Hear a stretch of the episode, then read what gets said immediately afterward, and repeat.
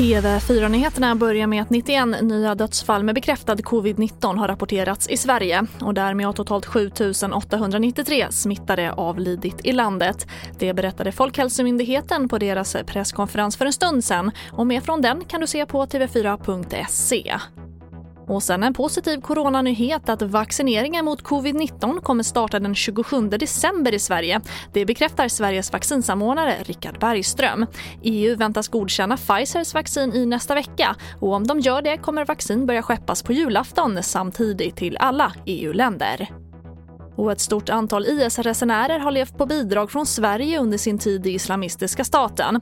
Tidningen GT har kartlagt 45 personer som har lämnat Sverige och anslutit sig till IS som har fått ut pengar från bland annat Försäkringskassan, A-kassan och CSN. Och mer om det här kan du se på tv4.se.